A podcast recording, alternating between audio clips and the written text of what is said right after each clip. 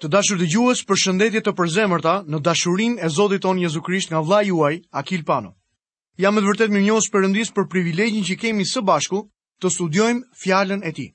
E pra unë ju kujtoj që jemi duke studiuar librin e Levitikut dhe në emisionin e sotëm do të studiojmë në kapitullin e 7 të librit të Levitikut fjalën e Perëndisë. Përpara se të fillojmë të lexojmë rreshtat e parë të studimit të sotëm, Dua t'ju kujtoj që në mësimin e kaluar kemi folur për flijimet e ndryshme që libri i Levitikut i nxjerr në skenë. Kemi folur për blatimin e ushqimit, flijimin e mëkatit, flijimin për shkeljen dhe flijimet e falënderimit, kemi folur për udhëzimet në lidhje me flijimin e shkeljes, udhëzimet në lidhje me flijimin e falënderimit dhe kemi parë se sa e rëndësishme në sytë e Perëndisë ishte që populli i tij të jetonte i pastër, i shenjtë, pa mëkat. Dua t'ju kujtoj që flijimi i falënderimit duhej të hahej menjëherë. Nuk duhej të vonoheshin në këtë mënyrë, edhe ne duhet të qëndrojmë sa më afër me Krishtin për të marrë paqe dhe fuqi mbi tundimin. I dashur vëlla, qëndro sa më pranë Zotit tonë Jezus. Ai u jep paqe vetëm atyre që i përkasin atij. atyre që kanë hyrë në këtë bashkësi të lavdishme dhe të mrekullueshme me të. Duhet t'i hedhim sytë tanë drejt atij dhe të gjejmë çlodhjen në të. Kur të zbulojmë se Krishti është i mjaftueshëm dhe i mrekullueshëm, atëherë paqja e Perëndisë që e kalon gjithë njohurinë do të hyjë në zemrën tënde. Shikoni pra se si e pasqyrojnë Zotin Jezus këto flijime të ndryshme. Kemi parë në mësimin e kaluar që mëkatet e personit që bën ofertat janë falur dhe ai ka paqe me Perëndinë, por përsëri tek individi i cili ofron flijimet, sërish gjendet e keqja. Majaja është përsëri e pranishme. Paqja me Perëndinë nuk varet nga fakti që besimtari arrin përsosmërinë duke mos qenë në asnjë moment i mëkatshëm. Majaja gjendet përsëri aty. Sa e rëndësishme është që ta kuptojmë këtë gjë. Apostulli Gjon në letrën e parë të tij, kapitullin e parë dhe vargun e 8, na e zbulon këtë të vërtetë të madhe. Ai thotë që po të themi se jemi pa mëkat, gënjejmë vetveten dhe e vërteta nuk është në ne. Besimtari duhet të rrëfejë mëkatin e tij për të marrë faljen dhe pastrimin. Pastaj duhet të ecë me natyrën e re në fuqinë e frymës së shenjtë. Buka me maja ishte një flijim i fryrë. Duhej të ngrihej drejt qiellit. Në të njëjtën mënyrë, ne duhet të hapim zemrat tona ndaj Perëndisë, që ai të na hetojë, ashtu sikurse edhe psalmisti thotë në Psalmin 139 që të na njohë dhe drejtojë në rrugën e përjetshme. Lutja ime vëllezër të dashur është që Perëndia, ndërsa neve studiojmë këtë mësim, të zbulojë natyrën e tij, shenjtërinë. Të zbulojë tek secili prej nesh se sa e rëndësishme është që të urrejë mëkatin sikurse ai e urren. Atëherë pa u vonuar, le të fillojmë të lexojmë menjëherë shkrimin e parë në studimin e sotëm. Levitiku kapitulli i 7, vargjet 19 dhe 20. Mishi që prek çfarëdo gjë të papastër nuk do të hahet, do të digjet me zjarr. Sa për mishin tjetër, kushdo që është i pastër do të mund të hajë nga ai. Por personi që duke qenë i papastër, ha mish nga flijimi i falënderimit që i përket Zotit, do të shfaroset nga populli i tij. Një person i papastër që ha nga mishi i flijimit të falënderimit do të shfarosej. Edhe sot besimtari duhet të rrëfejë mëkatet nëse duhet të hyjë në bashkësi me Perëndinë. Lexojmë në kapitullin e 7 të Levitikut, vargjet 22, 23 dhe më poshtë vargu 26 dhe 27. Zoti i foli akoma Moisiut duke thënë: Folu bijve të Izraelit dhe u thuaj atyre: Nuk do të hani asnjë yndyrë të lopës apo të deles apo të dhisë. Përveç kësaj, nuk do të hani asnjë gjak as të zogjve, as të katërkëmbëshave, në asnjë nga banesat tuaja. Kushdo që ha çfarëdo lloj gjaku, do të shfaroset nga populli i tij. Tashmë e kemi diskutuar që ngrënia e gjakut ndalohej. Kjo bëhej që ne të kujtojmë se njeriu u shpengua po nga gjaku dhe se kjo është baza në të cilën pranohemi prej Perëndisë. Po kështu atyre u ndalohej të hanin yndyrën sepse yndyra i përkiste Zotit. Zoti i foli akoma Moisiut duke thënë: Folu bijve të Izraelit dhe u thuaj atyre: Kush i ofron Zotit flijimin e tij të falënderimit, do t'ia çojë ofertën e tij Zotit, duke e hequr nga flijimi i tij i falënderimit. Do t'i çojë me duart e tij ofertat e bëra me zjarr për Zotin, do të çojë dhjamin bashkë me gjoksin, për të tundur gjoksin si ofertë e tundur përpara Zotit. Prifti do ta tymosë dhjamin mbi altar, ndërsa gjoksi do të jetë i Aaronit dhe i bijve të tij. Do t'i jepni priftit gjithashtu si një ofertë të lartë kofshën e djathtë të flijimeve tuaja të falënderimit. Ai nga bijtë e Aaronit që ofron gjakun dhe dhjamin e flijimeve të falënderimit, do të ketë si pjesë të tij kofshën e djathtë. Sepse nga flitë e falënderimit të ofruara nga bijtë e Izraelit, unë marr gjoksin e ofertës së tundur dhe kofshën e ofertës së lartë. dhe ua jap priftit Aaron dhe bijve të tij si një detyrim i përjetshëm nga ana e bijve të Izraelit. Dua t'ju kujtoj që Aaroni, bijtë e tij dhe priftërinjtë merrin nga flijimi i falënderimit gjoksin dhe kofshën si racionin e tyre. Pjesa e gjoksit flet për dashurinë e Krishtit ndaj nesh. Apostulli Pal në librin e Romakëve kapitulli 5 dhe vargu i 8 na zbulon qartë këtë varg. Por Perëndia e tregon dashurinë e tij ndaj nesh në atë. Që ende kur ishim mëkatarë, Krishti vdiq për ne. Dhe më poshtë tek libri i Galatasve kapitulli 2 dhe vargu 20 ai thotë, që më deshi dhe dha veten për mua. Duke i dashur të vetët që ishin në botë, i deshi deri në fund. Thotë Gjoni në Ungjillin e tij kapitulli 13 dhe vargu i parë. Kofsha flet për fuqinë dhe pushtetin e Krishtit. Ai është në gjendje të shpëtojë plotësisht. Tek Ungjilli i Gjonit kapitulli 10 vargjet 27 deri në vargun e 30 ne shohim Jezusi tha, Delet e mia e dëgjojnë zërin tim. Unë i njoh dhe ato më ndjekin. Dhe unë u jap atyre jetën e përjetshme dhe nuk do të humbasin kurrë, e askush nuk do t'i rrëmbejë nga dora ime. Ati im që m'i dha është më i madh se të gjithë dhe askush nuk mund t'i rrëmbejë nga dora e Atit tim. Unë dhe Ati jemi një. Ai i do të vetët me një dashuri të përjetshme dhe është i vetmi që mund të shpëtojë plotësisht. Kjo është pjesa jonë në Krishtin. Të gjitha këto flijime në dhjatën e vjetër nuk e përfundonin pastrimin e njerëzve. Shenjtori i dhjatës së vjetër shpëtohej nëpërmjet besimit, ashtu sikurse shpëtohen dhe individët sot në dhjatën e re. Tek Psalmi 4 vargu i 5 ne shohim: Ofroni flijime drejtësie dhe kini besim tek Zoti. Perëndia kënaqej kur njerëzit i sillnin flijimet me besim dhe falënderim. Perëndia nuk kënaqej kur flijimet i sillnin si rutinë dhe ishin të ndotura. Të gjitha flijimet në Dhjatën e Vjetër kërkonin një antitip më të përsosur. Ky gjendet në Krishtin. Shkruesi i Hebrenjve në kapitullin e 9 dhe vargun e 28 na thotë: Kështu edhe Krishti, pasi u dha vetëm një herë për të marrë mbi vete mëkatet e të shumëve, do të duket për së dyti pa mëkat për ata që e presin për shpëtim. Le t'i kthehemi kapitullit të 7 të librit të Levitikut për të lexuar vargun 35 deri në vargun e 38. Kjo është pjesa e caktuar e Aronit dhe bijve të tij nga flijimet e bëra me zjarr për Zotin, ditën që do të paraqiten për t'i shërbyer Zotit si priftërinj. Këtë ka urdhëruar Zoti për bijtë e Izraelit t'u jepnin atyre ditën që i vajosi si një ligj i përjetshëm brez pas brezi. Ky është ligji i olokaustit, i blatimit të ushqimit, i flijimit për mëkatin, i flijimit për shkeljen, i shenjtërimit dhe i flijimit të falënderimit. Ligji që Zoti i dha Moisiut mbi malin Sinai, ditën që i urdhëroi bijtë e Izraelit t'i paraqisnin ofertat e tyre Zotit në shkretëtirën e Sinajt. Këtu Perëndia përmbledh udhëzimet për Aaronin dhe priftërinjtë në ligjin e flijimeve të kapitullit 6 dhe 7. Le të shohim dhe të flasim pak për shenjtërimin. Tani kemi arritur në një pjesë të re, në lidhje me shenjtërimin e priftërinjve. Shenjtërimi i priftërinjve është i rëndësishëm sepse do të hedhë dritë në atë që sot quhet shenjtërim në kishat tona. Mund të them se pjesa më e madhe e asaj që sot ne e quajmë shenjtërim është një zëvendësim për të ardhur keq i asaj që ka qenë në të vërtetë. Shkruesi i Hebrenjve në kapitullin e 7 dhe vargun e 28 na thotë: Sepse ligji vë kryepriftërinj njerëz që kanë dobësi, por fjala e betimit që vjen pas ligjit vë birin që është i përkryer në jetë të jetës. Vëmendja jonë tani drejtohet tek priftërinjtë dhe jo tek flijimet. Largohemi nga altari i bronztë dhe të kthehemi tek legeni i bronztë. Pikërisht tek altari i bronztë Perëndia i dha rrugë një herë e përgjithmonë çështjes së mëkatit. Por kjo nuk do të thotë se mëkatari i shpëtuar ishte i përsosur. Fatkeqësisht ai mëkatonte akoma.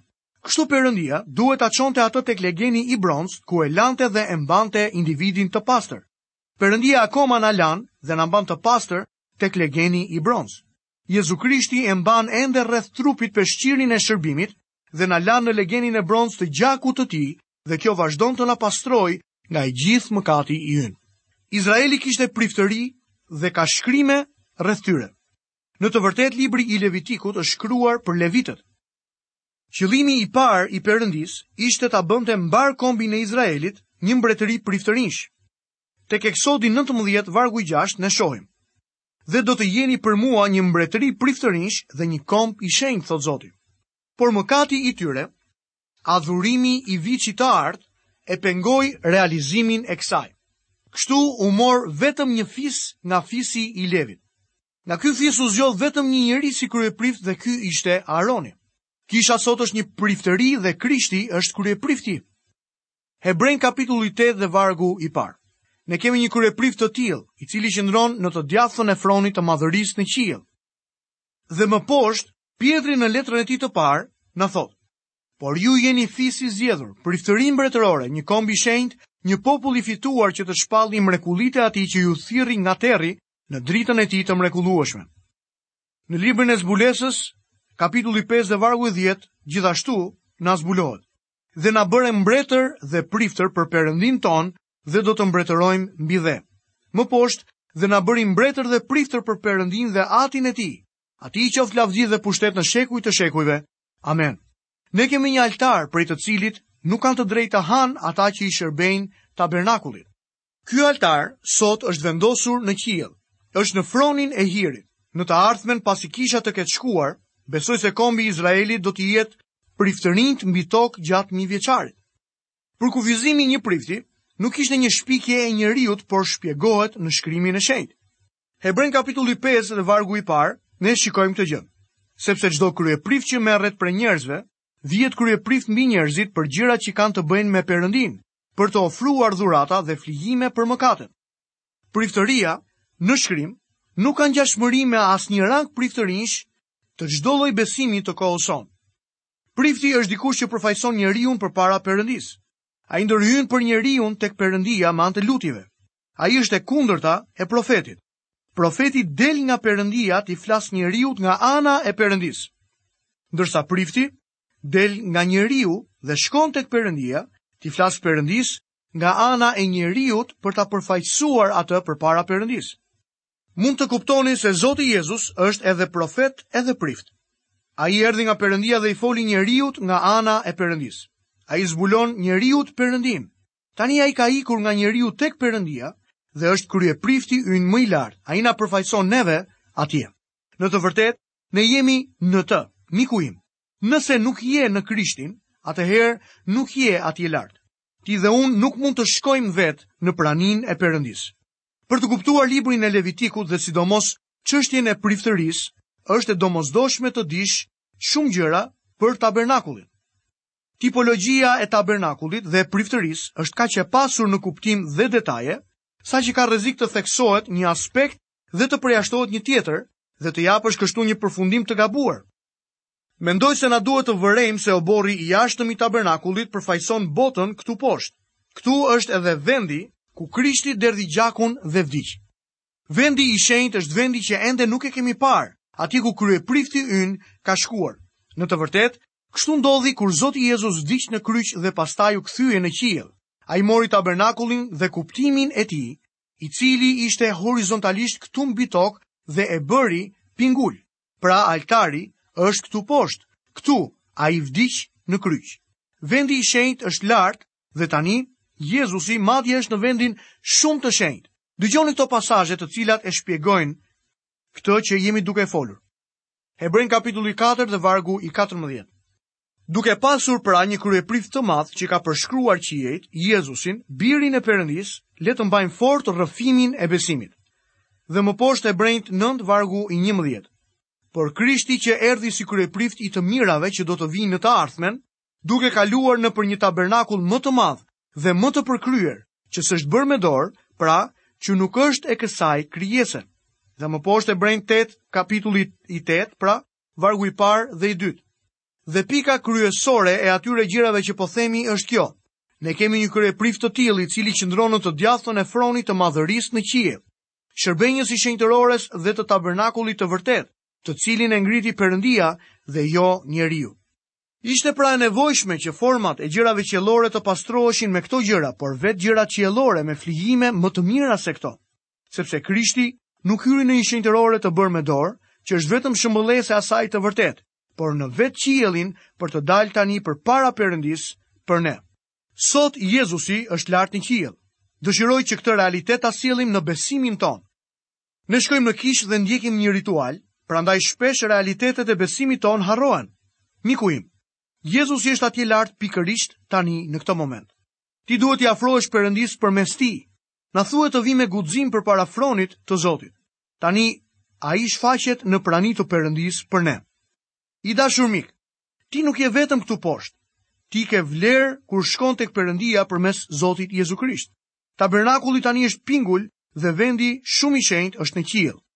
Në këtë kapitull pohohet 12 herë se Zoti e urdhëroi Moisiun. Rrugëzgjidhja e fundit është vargu i fundit, që e gjejmë tek Levitiku 8:36. Kështu Aroni dhe bijtë e tij bënë tërë ato gjëra që Zoti kishte urdhëruar me anë të Moisiut. Këto janë gjërat që Perëndia i urdhëroi. Ai thotë se kjo duhet të bëhet me anë të shenjtërimit. Disa njerëz besojnë në një datim më të vonë të librit të Levitikut si shpikje e priftërisë. Megjithatë, këtu thuhet se e gjithë kjo u bë ashtu siç e urdhëroi Perëndia. A beson në fjalën e frymëzuar të Perëndisë? Atëherë nuk mund të pranoni datimin e vonë të Levitikut. por të besoni në qëndrueshmërinë e shkrimit dhe se kjo është bërë me urdhrin e Perëndisë. Tani le të shohim thirrjen e asamblesë për të dëshmuar ritualin. Lexojmë tek Levitiku kapitulli 8, vargu i parë deri në vargun e tretë. Zoti i foli akoma Moisiut duke thënë: Merr Aaronin dhe bijtë e tij bashkë me të, rrobat, vajin e vajosjes, demin e vogël të flijimit për mëkatin, dy desht dhe shportën e bukëve të ndorme dhe mblidhe gjithë asamblenë në hyrje të çadrës së mbledhjes. Mojsiu urdhërohet që të sjellë Aaronin dhe bijtë e tij me të gjithë artikujt që duhet të përdoren në shenjtërimin e priftërinjve, në derën e tabernakullit. Kjo gjë tingëllon disi si listë ushqimesh, por çdo artikull që përmendet është i rëndësishëm. Pastaj ai duhet të mbledhë asamblenë për të dëshmuar për ritualin e shenjtërimit të priftërinjve. Kjo duhet të ketë qenë me shumë mundësi një shërbesë mbresëlënëse. Ata do të kuptojnë se Perëndia merr njerëz të dobët dhe i vë në një anë që t'i shërbejnë atij. Më vjen të them haleluja për këtë, sepse ai do ta bëjë këtë për ty dhe mua. Sepse ligji vë kryepriftëri njerëz që kanë dobësi, por fjala e betimit që vjen pas ligjit vë birin që është i përkryer në jetë të jetës. Krishti me të vërtetë ishte i shenjtëruar. Në një farë kuptimi, askush tjetër nuk është vërtet i shenjtëruar. Por gjëja e mrekullueshme është që Perëndia do t'i pranojë njerëzit me dobësitë e tyre. Nëse ai do të kërkonte përsosmëri, të gjithë do të përjashtoheshim. Falë Zotit që ai i merr ata, ne pra, ashtu siç jemi, të dobët. Lexojmë vargjet 4 deri në 5. Atëherë Mojsiu bëri ashtu siç e kishte urdhëruar Zoti dhe asambleja u mblodh në hyrje të çadrës së mbledhjes. Dhe Mojsiu i tha asamblesë: Kjo është ajo që Zoti ka urdhëruar të bëhet. Mojsiu bën atë që i kanë urdhëruar, edhe njerëzit po ashtu. Binden dhe vijnë së bashku për këtë shërbesë. Mojsiu shpjegon se ai po ndjek udhëzimet e Zotit në gjithçka që ai bën. Le të shohim se çfarë Levitiku na tregon për pastrimin e Aronit dhe bijve të tij. Lexojmë në vargun e 6 të kapitullit të 8 të librit të Levitikut. Pastaj Mojsiu e afroi Aronin dhe bijtë e tij dhe i lau me ujë. Mojsiu i sjell Aronin dhe bijtë e tij tek legeni për t'u larë. Kjo do të thotë se ata duhet të jenë të shenjtë dhe të pastruar nëse duhet t'i shërbejnë Zotit. Tashmë ata kanë qenë tek altari për të marrë faljen, por kanë nevojë për pastrim. Shumë njerëz sot thonë se janë të kualifikuar për shërbesën, vetëm se janë të shpëtuar. Është e vërtetë se shpëtimi është kërkesa e parë, por personi duhet të pastrohet patjetër në mënyrë që të bëhet gati për shërbesë. Nëse dëshironi që të përdoreni nga Perëndia, duhet të pastroheni më parë. Dëgjoni këto vargje nga fjala e Zotit. Do të lexojmë nga letra e Titit, kapitulli 3 dhe vargu i 5, letra drejtuar Hebrenjve 10:22, Efesianët 5:26, Gjoni Ungjilli, kapitulli 13 dhe vargu i 10, Dhe letra e parë e Gjonit kapitulli i parë dhe vargu i 9. Ai na shpëtoi jo me anë të veprave të drejta që ne bëmë, por sipas mëshirës së tij, me anë të larjes së rilindjes dhe të ripërtëritjes së frymës së shenjtë. Le t'i afrohemi me zemër të vërtetë, me siguri të plotë besimi duke i pasur zemrat tona të lara prej ndërgjegjes së ligë dhe trupin tonë të larë me ujë të kulluar, që ta shenjtërojë, pasi e pastroi me larjen e ujit me anë të fjalës. Jezusi i tha, Ai që është i larë, s'ka nevojë veçse të lajë këmbët dhe është krejt i pastër, dhe ju jeni të pastër, por jo të gjithë. Po t'i rrëfejmë mëkatet tona, ai është besnik dhe i drejtë që të na falë mëkatet dhe të na pastrojë nga çdo paudhësi. Fryma e shenjtë na përtërin, ndërsa vazhdojmë të ecim, por kemi nevojë që Zoti të na lajë. Me çfarë Perëndia na lan sot? Cili është agjenti pastrues? Agjenti pastrues është fjala e Perëndisë. Ajo na pastron. Zoti tha se dishepujt e tij duhet të laheshin, sepse këmbët i kishin të ndotura. Ata të gjithë u lanë, domethënë, ata të gjithë ishin të shpëtuar përveç Judës, por përsëri u duhej të lanin këmbët në mënyrë që të kishin bashkësi me Krishtin. Ky pastrim është për t'u bërë gati për shërbesë. Si e marrim ne atë larje? Ne falemi dhe pastrohemi vetëm nëpërmjet rrëfimit të mëkateve tona. A kërkoni të përdoreni nga Perëndia? Atëherë shko, rrëfe mëkatet e tua i krishterë i dashur. Ky është hapi i parë. Kjo është mënyra e Perëndisë. Ky është urdhërimi i tij. Ose duhet të veprojmë sipas mënyrës së tij, ose nuk mund të jemi gati për shërbesën. Ai ka mënyrën e tij për t'i bërë gjërat dhe ne duhet të mësojmë dhe të bindemi në mënyrat e tij. Të dashur dëgjues, këtu kemi mbërritur dhe në fundin e programit të sotëm. Nga vëllai juaj, Akil Pano, keni të gjitha bekimet e Perëndisë dhe paqen e tij në jetën tuaj. Bashkë, mirë u dëgjofshim në emisionin e ardhshëm.